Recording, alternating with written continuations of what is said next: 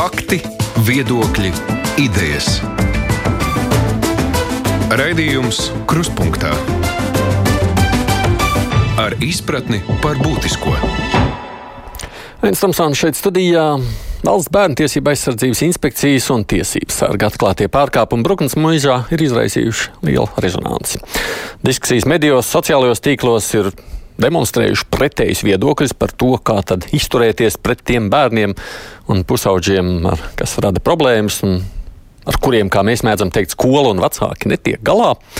Kādi no viņiem cieš, kādi ir nikni, bet arī paši vainīgie pusauģi, protams, nav laimīgi. Pēdējās dienās daudz ir runāts par to, kādas metodas tiek lietotas bruknā. Bet nu, kāda vispār ir alternatīva šādai bruknei? Kāda ir tā Latvijas politika šajā ziņā? Kādā veidā Latvijā cilvēki cenšas vai arī necenšas palīdzēt tiem, kuri ir kļuvuši par tā saucamajiem problēmu bērniem. Mēs šodien kruspunktā lūkosim saprast, kā novērtēt mūsu attieksmi pret tiem jauniešiem, ar kuriem mums neklājas viegli. Attālināti kruspunktā studijā ir pievienojušies valsts bērnu tiesība aizsardzības inspekcijas priekšnieks Jānis Ābels. Labdien, jums Ābels kungs! Labdien! Labklājības ministrijas sociālo pakalpojumu departamenta direktors Aldis Dūdiņš. Labdien, Dūdiņš kungs! Centra dārdedze valdes locekle, sociālā darbinieca Laila Balode. Labdien! Labdien. Nu, un arī sociālās korekcijas izglītības iestāde Naukšēni. Direktors Digis Čākurs. Labdien! Labdien! Raidījumā mums būs vairākas sazvanīšanās. Tiem, kas mūs grib redzēt jau tiešraidē, nevis pēc tam televīzijā, saka, ka mēs esam redzami gan mājaslapā, gan arī Facebook lapā. Tad, tad varat pieslēgties, tur mūs arī var redzēt. Savukārt, iesākot šo sarunu, droši vien jau jāsaka tā, ka tie pirmie, kas redz problēmas ārpus ģimenes, jau pirmkārt ir skolā, jo nu, to jauno cilvēku ietekmi visvairāk ir jūtama tieši tur. Tāpēc pie klausulas šobrīd savukārt ir Jūglas vidusskolas direktora Aija Mēle. Mēleskundze, labdien!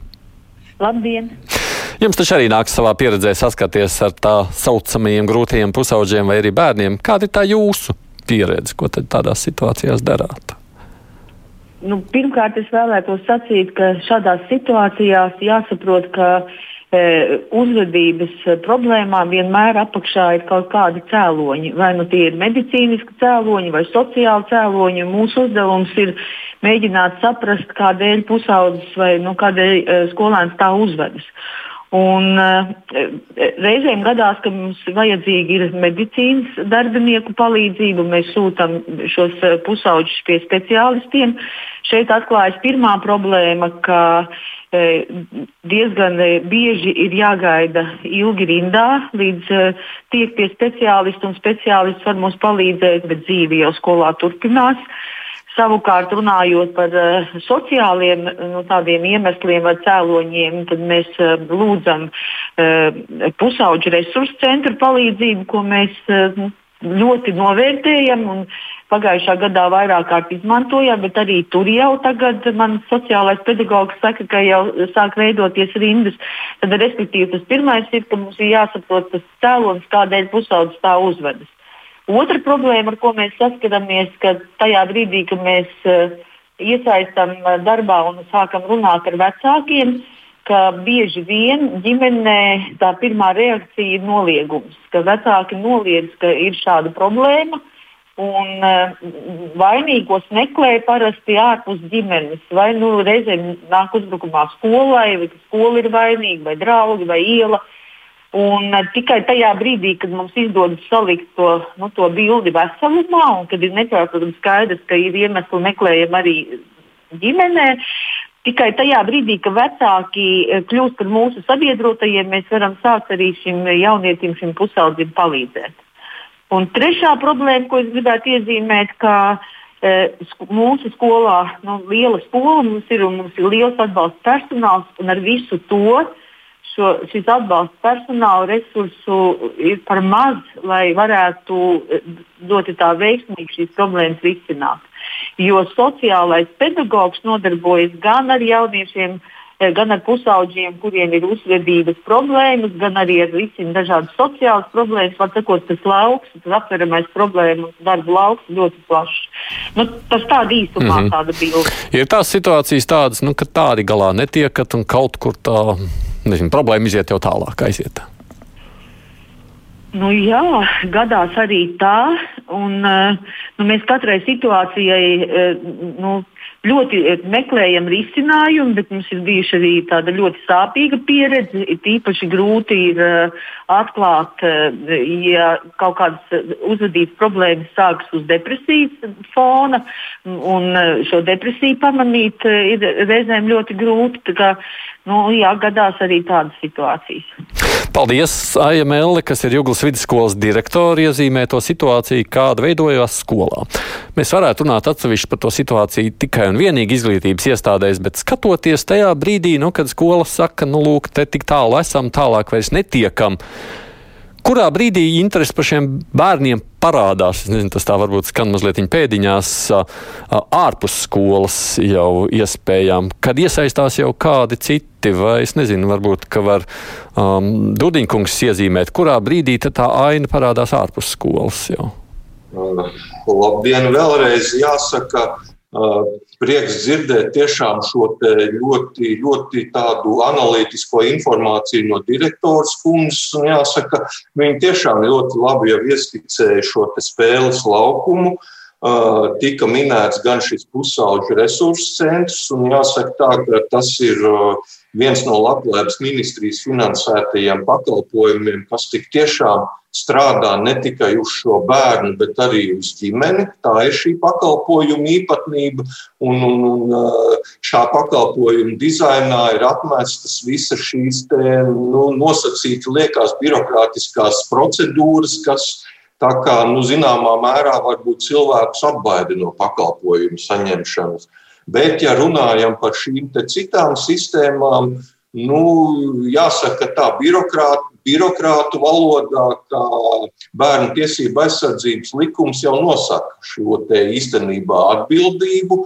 Uh, un šī atbildība par uh, šīm iespējām uh, deviantās uzvedības problemātikas risināšanas lietām gulstās uz pašvaldību.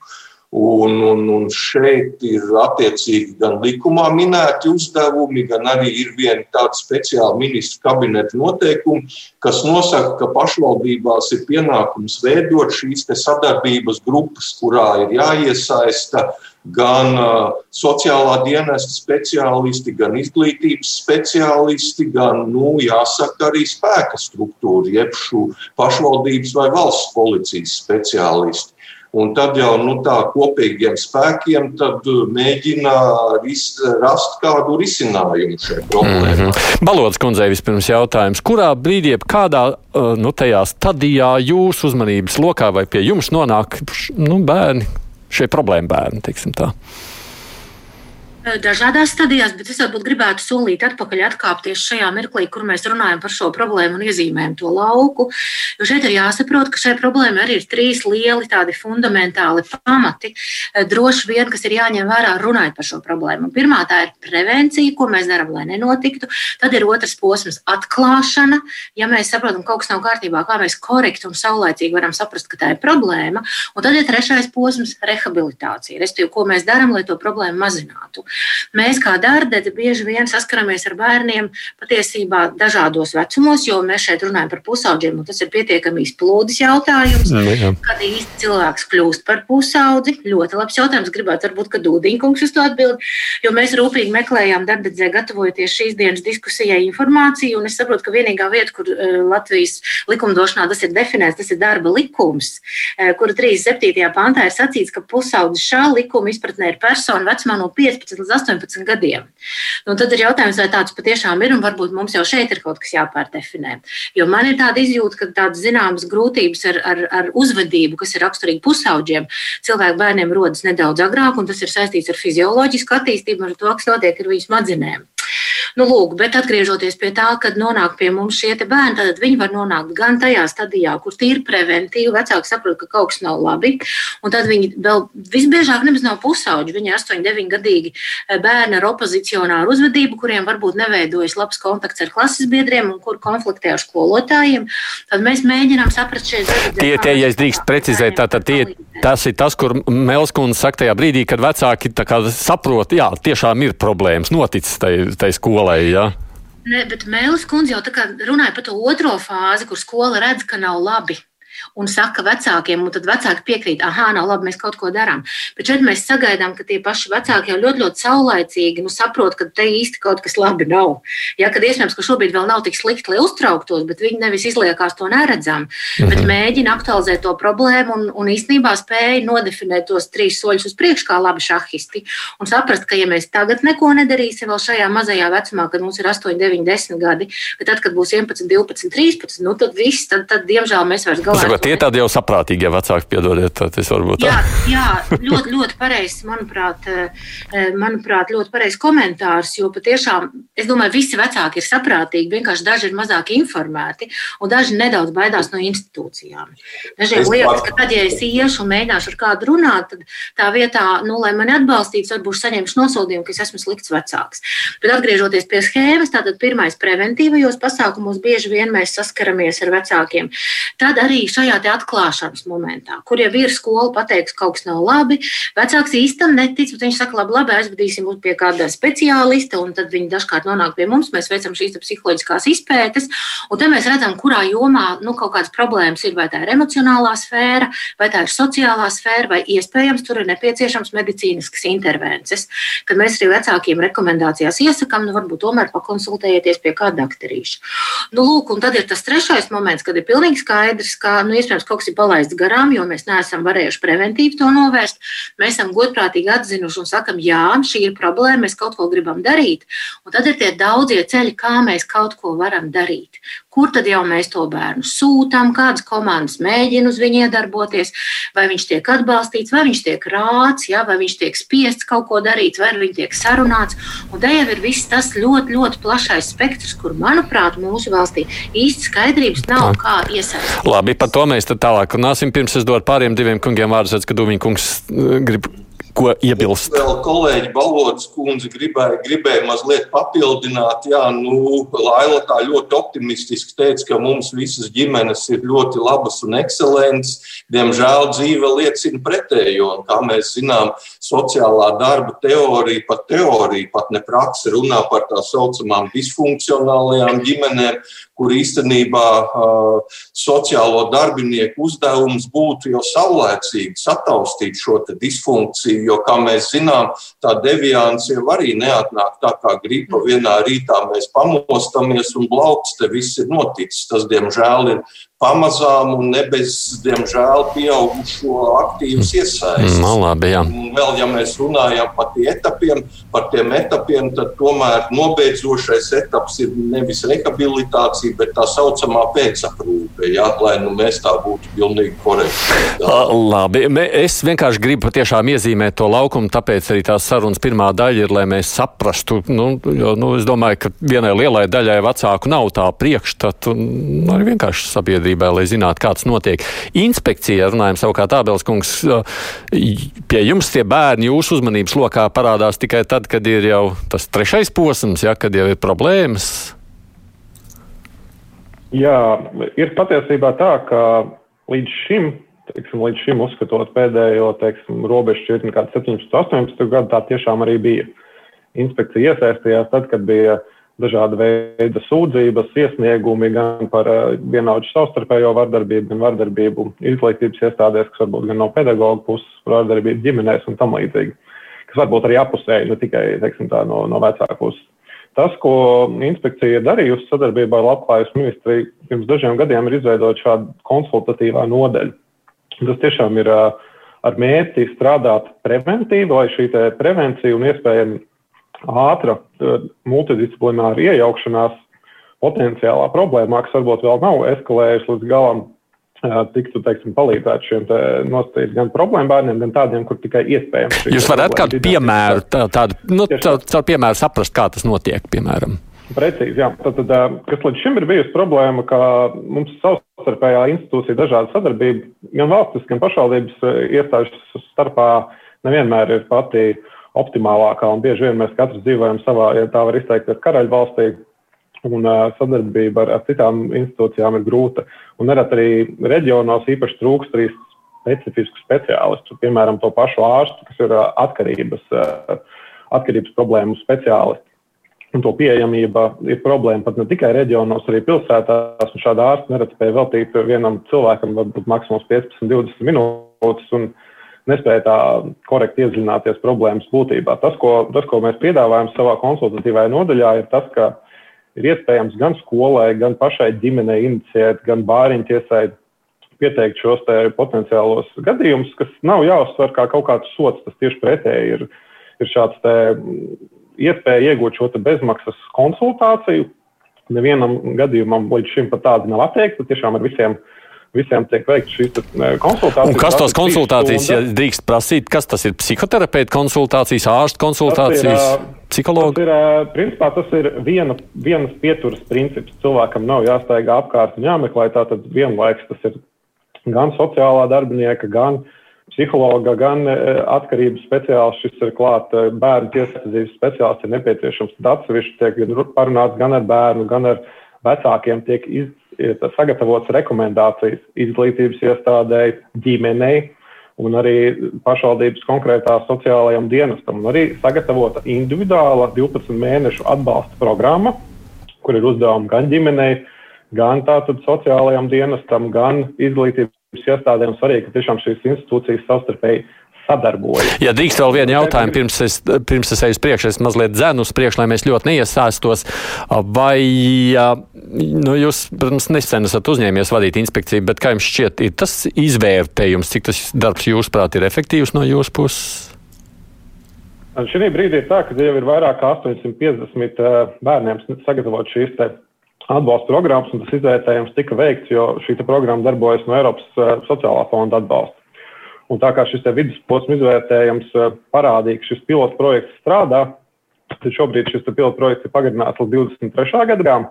Un svarīgi, manuprāt, ir tas, ka šī pilota projekta rezultāti galu beigās tiek ļoti korekti analizēti, un šāda veida pakalpojums ir pieejams ne tikai vienvietā Rīgā, kur mēs šobrīd strādājam pa, pa, pa visu Latviju, teiksim tā, apkalpojam visas Latvijas šos te, šādas situācijas, bet šis pakalpojums tādā veidā tiktu nodrošināts arī, arī reģionāli, un tas būtu jau tāds plašāk mērogs šis preventīvais darbs un mhm. koordinējošais darbs, tiešām koordinēt sadarbības. Labi. Tagad Čākura kungam grib jautāt, savukārt pie jums kāda veida bērni, ja pusauģi nonāk vai jaunieši?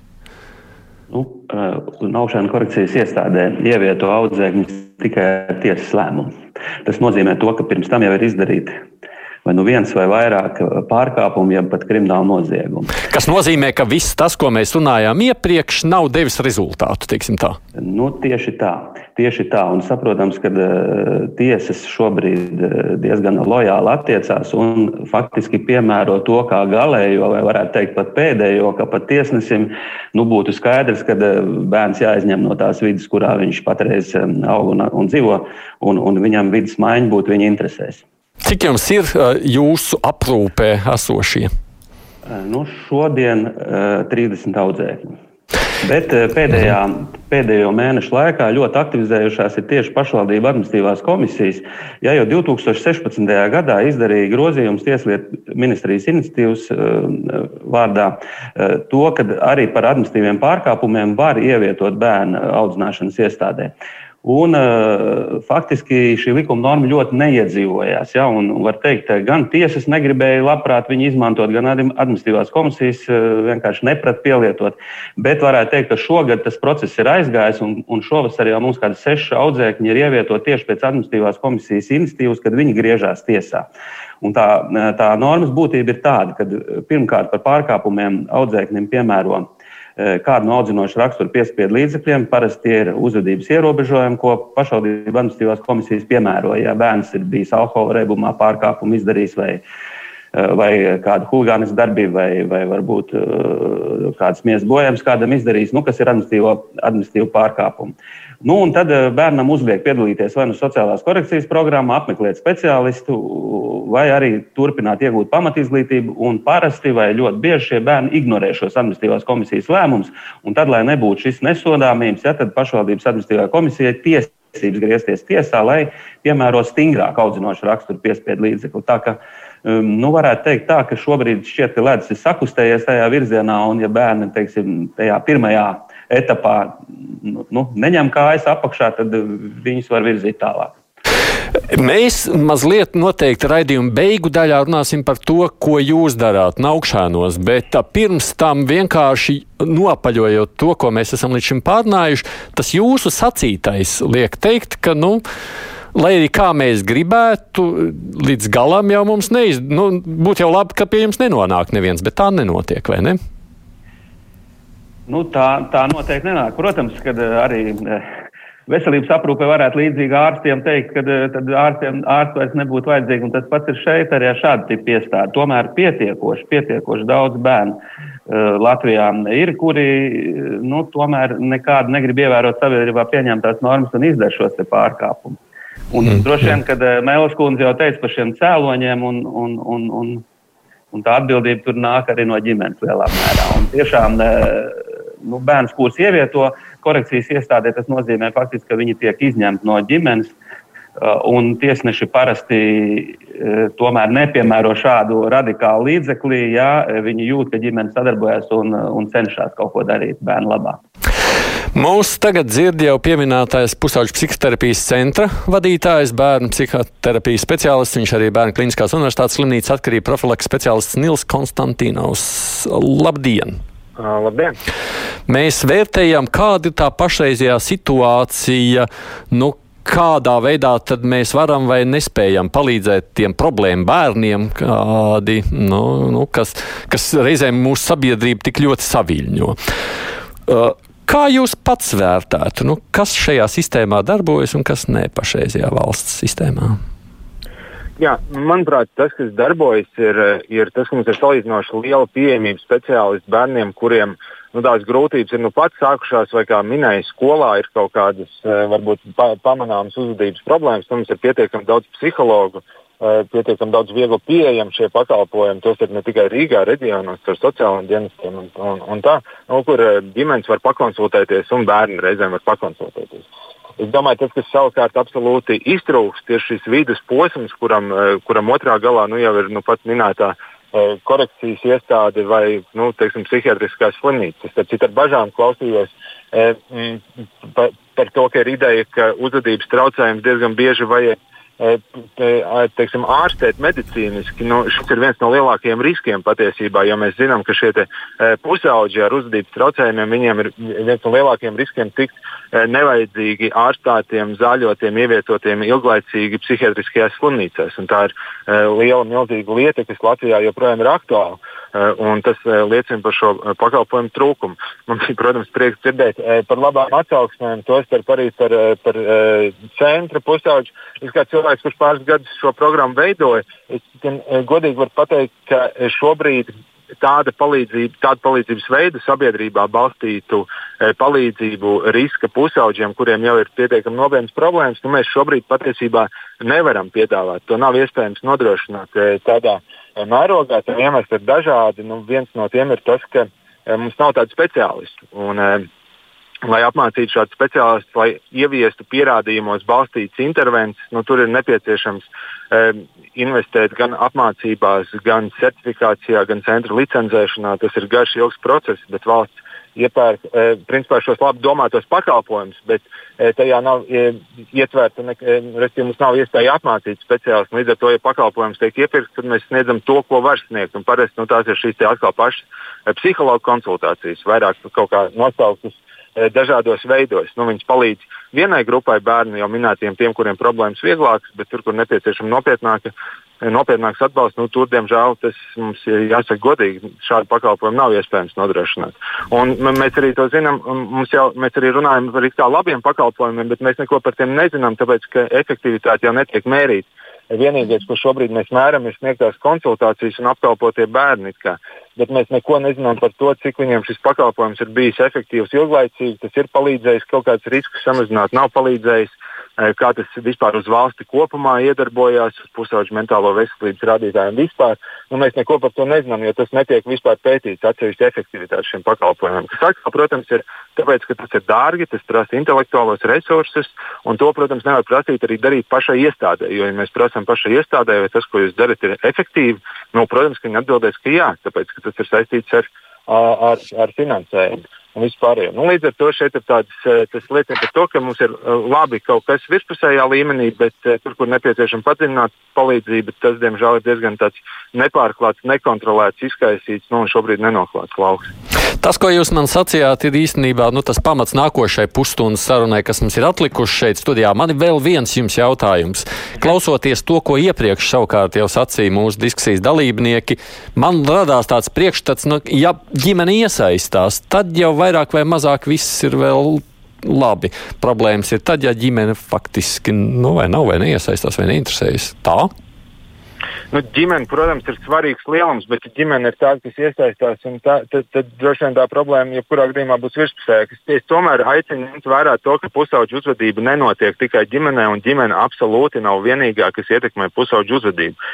Piemēram, it sevišķi pusauģu vecumposmā nu, kļūst svarīga skola, kļūst svarīga sabiedrība apkārt, kas viņam vispār tajā vidē, kur viņš uzturās, ir ko darīt, kur ir kaut kādi pieaugušie, eh, kas, eh, kas var kļūt par viņa nu, tādiem līderiem un, un lomu modeļiem. Restīvi šeit ir daudz kas plašāk nekā tikai ģimene. Protams, ka parasti tās būs ģimenes, kurām trūkst resursu vai kuras nespēj tikt galā ar šo pusaudzi.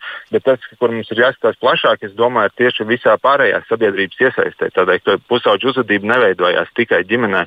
Un tā ir problēma, ja viņš neatrod sevi tajā, piemēram, skolā Eh, kas viņam var kļūt par otro vai sekundāro ģimeni, vai viņa vidē, piemēram, nezinu, nav piemērotas nodarbības vai, vai brīvā laika centri, kas, kas viņam būtu interesanti. Un, un, un, un šī ir tā problēma zona, nevis tikai fokus, protams, uz ģimeni.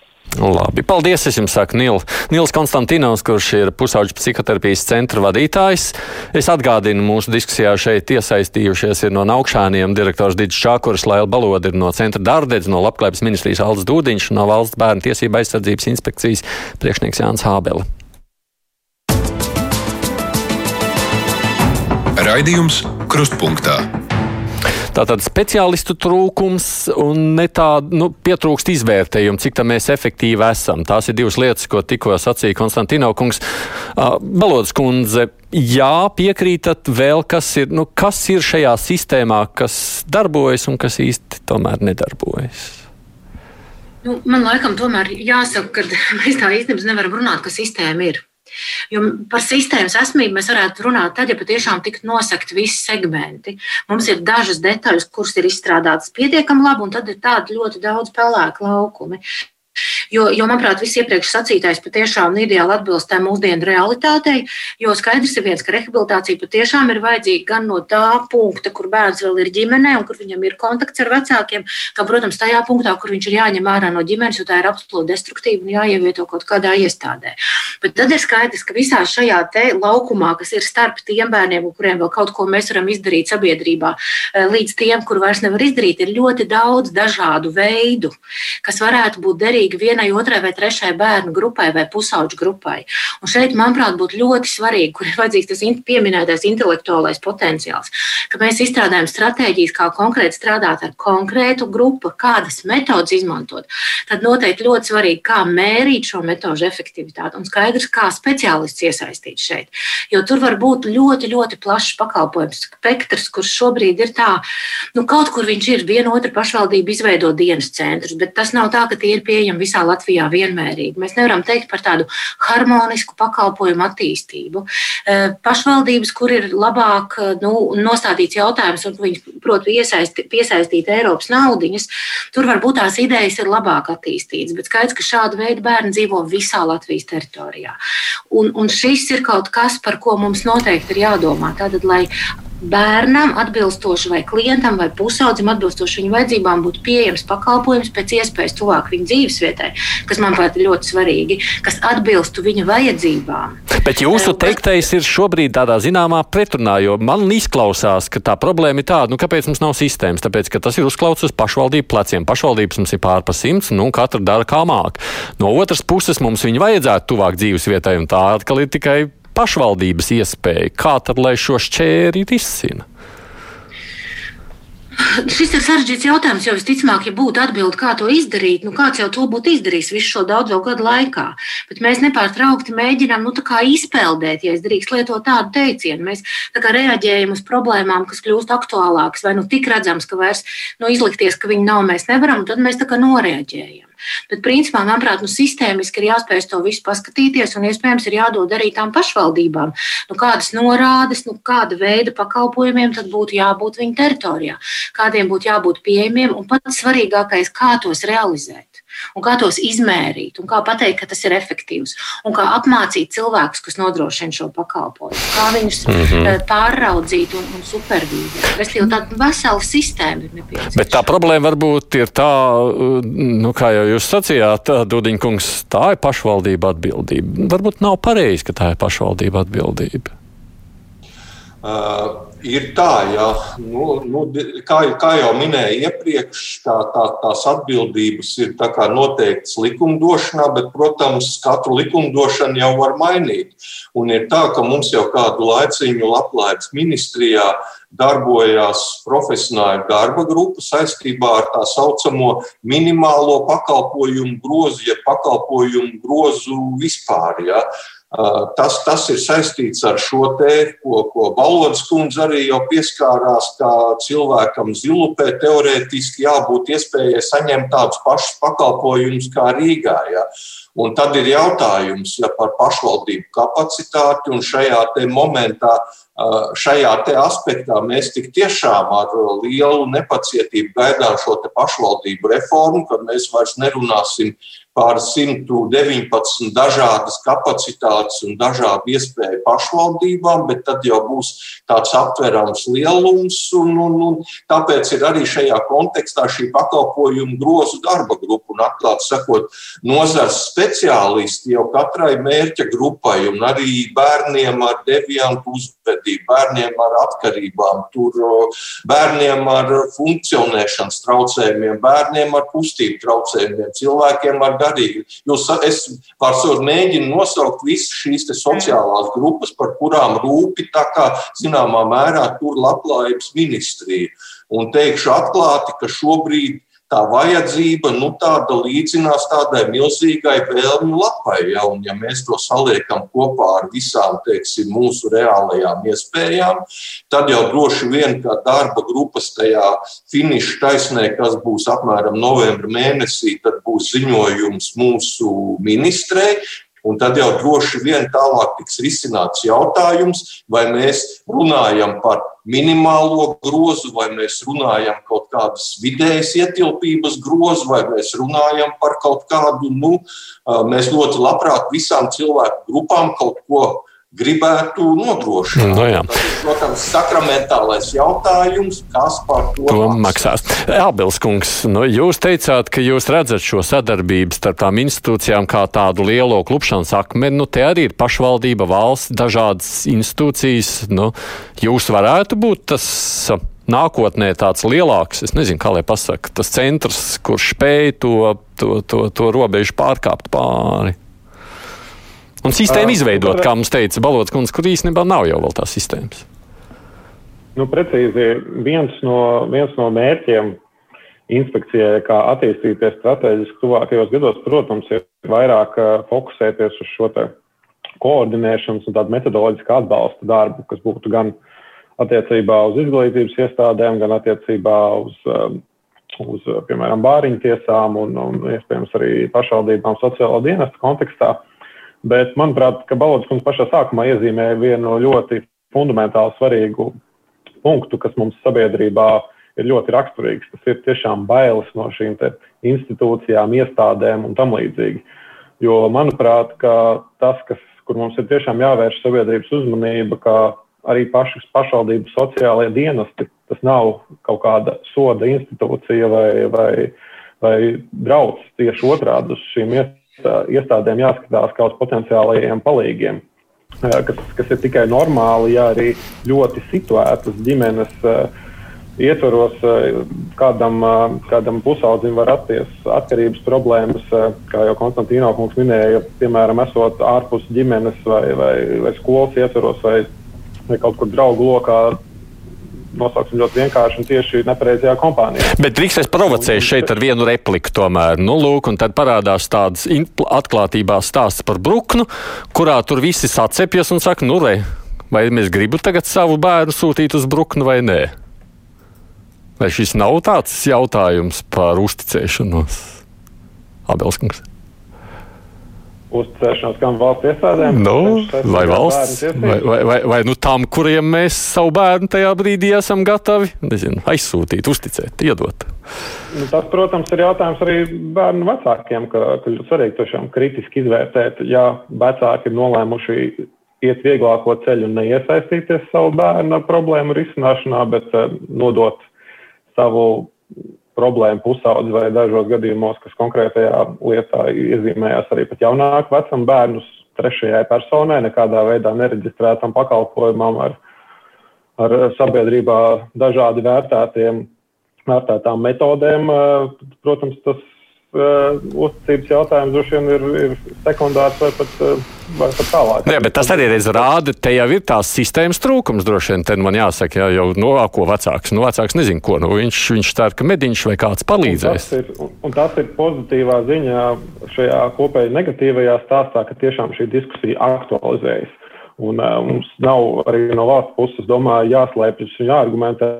Mums ir skaidri un gaiši jāapzinās tas, ka šobrīd tiešām pusauģu vecumā, un īpaši tajā vecumā, kas būtu šie 15 gadi un, un vecāki, tajā posmā, kur jau ir iestājusies šī, te, šī te fāze, ka, ka, ka bērnam tajā preventīvajā posmā vairs īsti palīdzēt nevar, jo, jo, jo ir nonākts jau, jau tālāk. Šis pakalpojums uh, pakalpojums, ko mēs varam, varam sniegt vai nu uz vietas reģionos vai centralizēt, tas mums akūti iztrūks. Tāpēc šādas diskusijas ir ļoti svarīgas. Tas ir arī viens no mērķiem, ka mēs sistēmiski kopumā paskatāmies uz bērnu aizsardzības jomu, bērnu atbalstu jomu un, un šo, šo, šim ķeramies aktīvi klāt.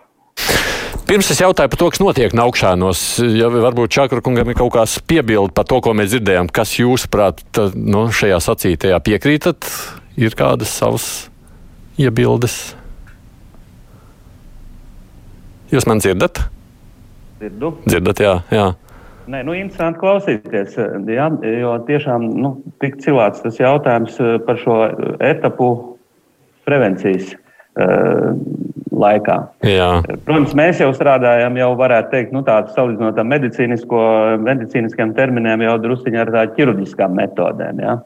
Kur visas šīs eh, sarunas eh, virzīšanās pie iešana brīvprātīgi pie speciālistiem, nu, tas viss jau ir eh, vai nu izmantots vai neizmantots, bet nu, nav devis nekādas rezultātus. Un visticamāk arī, ka tas nav ticis darīts. Nu, mūsu gadījumā jau nav ticis darīts. Tomēr, mēs strādājam ja? ar bērniem, mm. kur reāli jau izdara pārkāpumus un nevienu vienu. Nu, kas nozīmē, lūk, Tā problēma jau ir tāda, ka šī sistēma ir jāizstrādā. Tam jau jūs piekrītat, to es saprotu, vai ne? Nu, bez šaubām, bet es domāju, ka katrā pašvaldībā jau tomēr arī strādā. strādā. Cilvēks strādā ar, ar, ar bērniem, ar pieaugušajiem, droši vien arī kopā ar, ar ģimenēm mēģina risināt tās lietas. Bet nu, ir jau arī to, ko šodien varēja sadzirdēt, ja, kad ir dažādas attieksmes arī no, no šiem vecākiem un likumiskiem pārstāvjiem. Un, un droši vien, ka uh, eh, bieži vien viņi uh, nu, pārlieku daudz arī nostājās bērnu pusē, tad, ja bērnu uzvedība jau ir uh, tāda, kad jau tiek, tiek izdarīti šie pārkāpumi. Ja drīkst tagad tā vēl viena sadaļa, ko es gribētu tomēr paspēt šajā raidījumā pieminēt, varbūt ne tik ļoti dziļi, bet tomēr. Nu, kāda tad ir savukārt šī ķirurģiskā aprūpe, kā jūs minējat? Nu, kas notiek ar tiem, kas ir nonākuši augšānos? Kā tad jūs viņus pāraudzināt, tagad skan laika labi vai ne? Nu, teiksim tā, eh, kad pats galvenais, ko mēs uzskatām, kas faktiski ir jāpielieto metodas, kas eh, līdz šim nu, nav varbūt tikušas pielietotas. Ja? Tātad eh, pirmkārt jau bērnam nu, ir obligāti jāapmeklē izglītības iestāde, Un vairums no viņiem pie mums um, ierodās ar ļoti vājām sekmēm, un pat tā, ka nav vispār skolā gājuši. Ja mēs tur skatījāmies vidējā, vidējais vērtējums balēs bērniem, kas ierodās pie mums pagājušā mācību gada nobeigumā, bija 3,7 apmēram vidējā, vidējais vērtējums atzīmēs. Nu, mācoties pie mums, mēs mācību gada nobeigumā skatāmies mūsu audzēkņiem, kas jau beidz mācību gadu, nu, ir nedaudz virs piecām ballēm. Tā kā ir tas progress arī nu, sasniedzams mācībās, ja tu regulāri apmeklē skolu.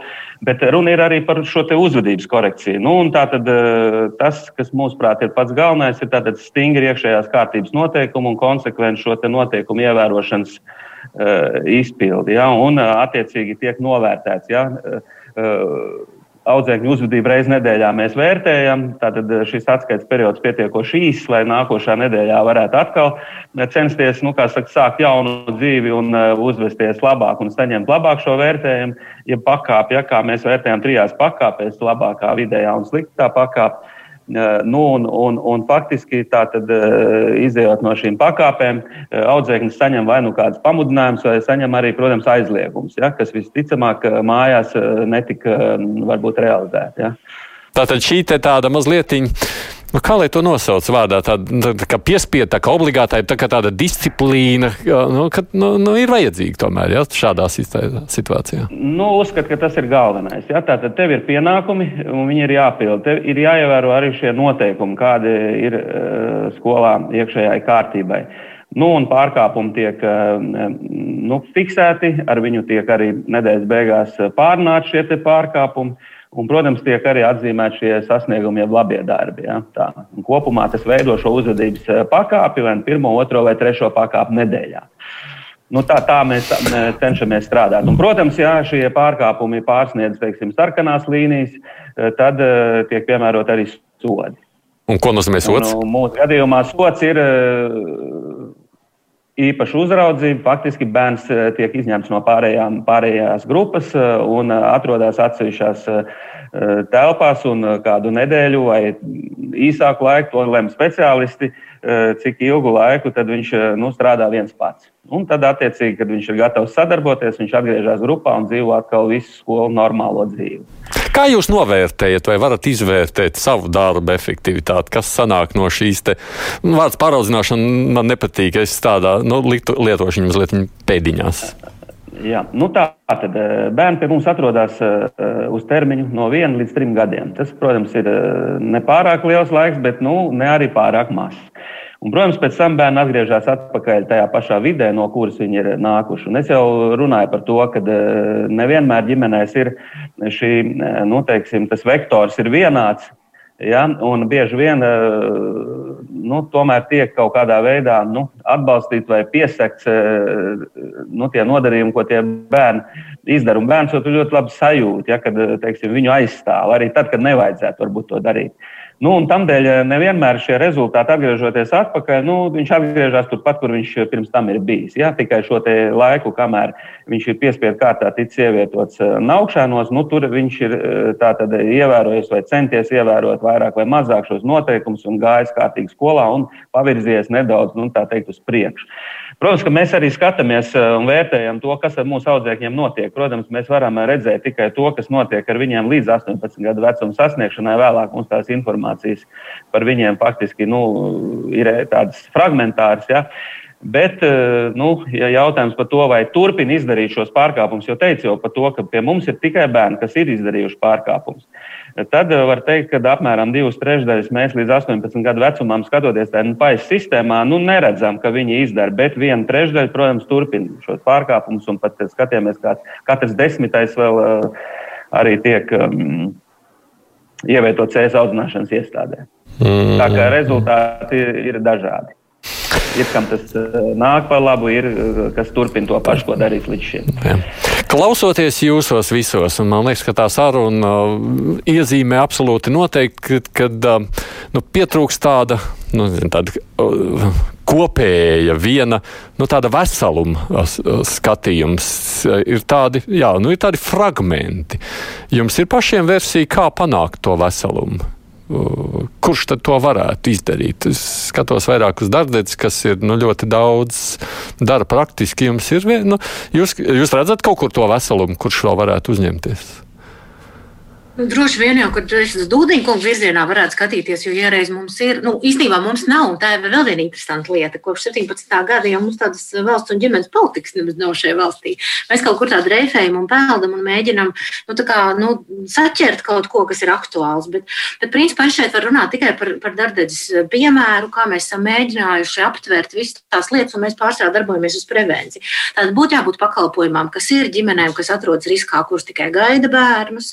Būtu jābūt pakalpojumam un kādam būtu jās, jāpasaka, kā viņš izskatās un kam viņš pienākās. Tā, tām ģimenēm, kuras iespējams ir riskā un kurās ir bērni no nulles līdz, līdz skolas vecumam, un, un šeit mēs esam centušies izlāpīties ar bērnu emocionālās audzināšanas pieeju, kur ir desmit nodarbības.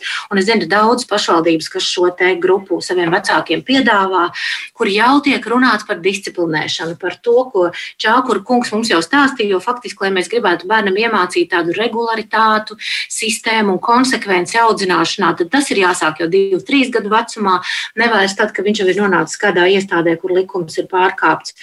Eh, nu, lūk, tad ir jādomā par pusauģiem, ceļvedus audzinot pusaudzi, vēl viena preventīva programma. Tad noteikti ir jādomā par psihologiem, sociālajiem darbiniekiem, sociālajiem rehabilitētājiem, kuri vēl atrodoties sabiedrībā pirms ievietošanas, un atkal, kur tas viss atrodas. Nezinu, tie ir jauniešu centri, tie ir dienas centri. Ļoti konkrēti varbūt vajadzētu iezīmēt to vietu, eh, ko viņi tur dara, kā viņi to dara, cik bieži viņi to dara, eh, kā viņi izmēra savus sasniegumus. Tātad nu, jāpaņem bērns no piedzimšanas, principā vēl no brīža, kad viņš atrodas mātes miesās, līdz brīdim, kamēr viņš ir pilngadīgs, un jāsaprot, vai visos šajos posmos ir pieejams pakalpojums. Un te ir jautājums, lai tas nav ekskluzīvs pakalpojums, ja lai tas nav pieejams tikai par maksu, ka tas tomēr ir pakalpojums, kas ir pieejams pilnīgi visiem sabiedrības slāņiem, neskatoties uz, uz viņu ieņēmumiem.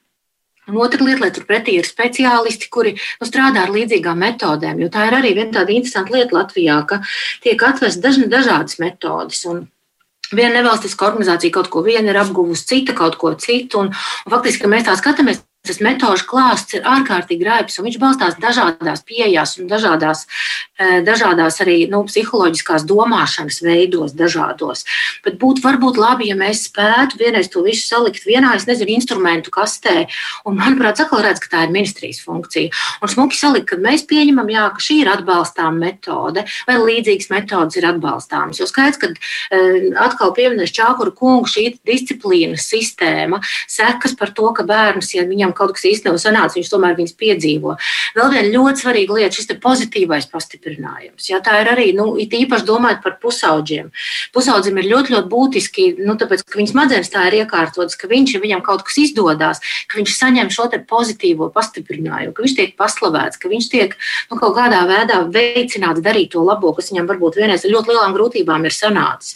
Un tātad mēģināt šādas pieejas padarīt par, nu, par tādām, ko mēs visi, arī zilupi jau šeit pieminētā. Ja es būtu sociālā darbiniece zilpē, lai es varētu atvērt kaut kādu grāmatu un saprast, oh, jā, es to varu darīt, un es, un es mēģinu to darīt, un es zinu, ka tas ir pareizi, jo tas ir uz pierādījumiem balstīts, tas ir izpētīts, tas ir, mm. nu, nezinu, visā Latvijā šobrīd lietots, un es droši prātu to varu darīt. Bet bieži vien šobrīd ir tā, ka katrā Latvijas nomalē cilvēki kaut ko mēģina un sanāk labāk vai sliktāk. Dažkārt mēs redzam, sanāk pavisam slikti, eh, bet nu, šajā kļūdu un meklējuma ceļā mēs, diemžēl, nu, darām pār tiem bērniem, un tas nav godīgi. Nu, jā, es arī skatos, ka vajadzētu saprast, kas ir labs un kas ir slikts, un tad jau nākt klajā ar to, ko mēs esam pieņēmuši. Jā, šis ir kaut kas, ko mēs šeit lietojam. Es arī skatos to, ko raksta mums daļa no klausītājiem, un tur ir tās bažas par to, vai kāds tiešām, vai tā palīdzība, kas tiek sniegta, ir pietiekoši profesionāla nu, arī ir, saprotu, ne visiem tā labākā pieredze bijuši pat, kas dalās.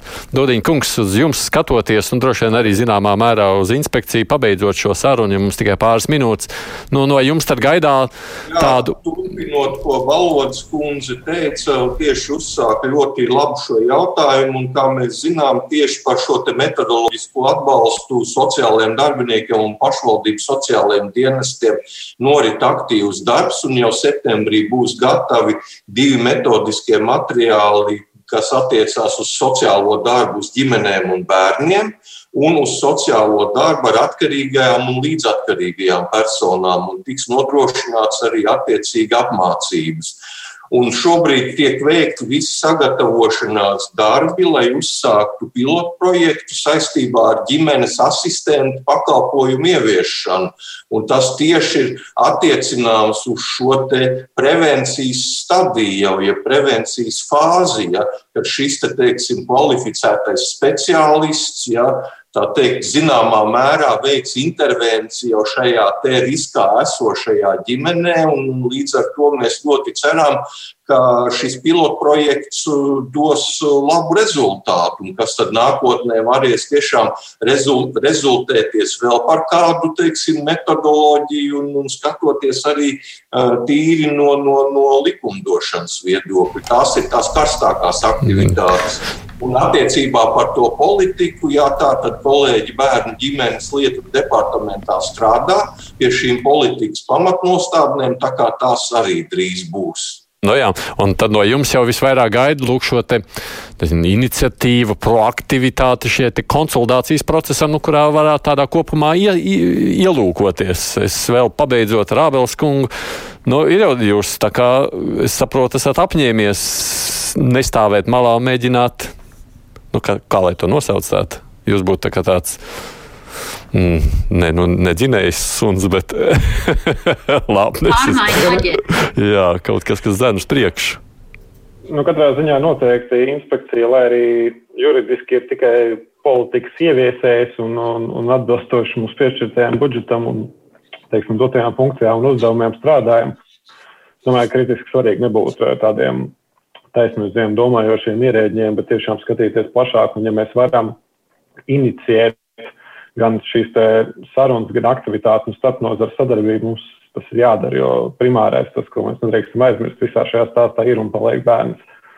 Un, uh, un tas, ko mēs, ko, ko mēs darām mūsu, mūsu valsts nākotnes uh, labā patiesībā, un uh, tas, ka mēs katrs mēģinām vilkt kaut ko uz savu pusi vai norādīt, kurš ko nav izdarījis, nu, to mēs esam darījuši liekam ilgi. Un, es domāju, jāpārkāpj ar daudziem ir savām teiksim, tā ambīcijām un aizvainojumiem un, un jāsaka, tas tāds līmenis.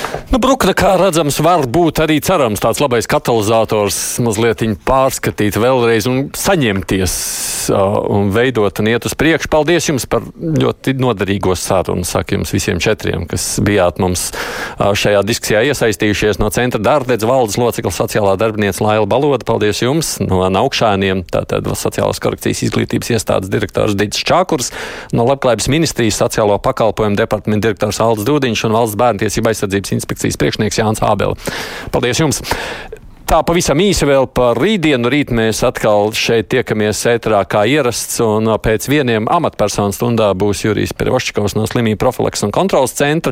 Nu, Covid ir joprojām mūsu uzmanības lokā. Rudens nāk ar jauniem izaicinājumiem, kam tad mums ir jāgatavojas Latvijā. Sevišķi redzot, kas notiek visapkārt, tā būs iespēja Perošķiko kungu izvaicāt. Producenta kruspunktā ir Evi Junām, studijā šodien biju es, Aidis Tomsons.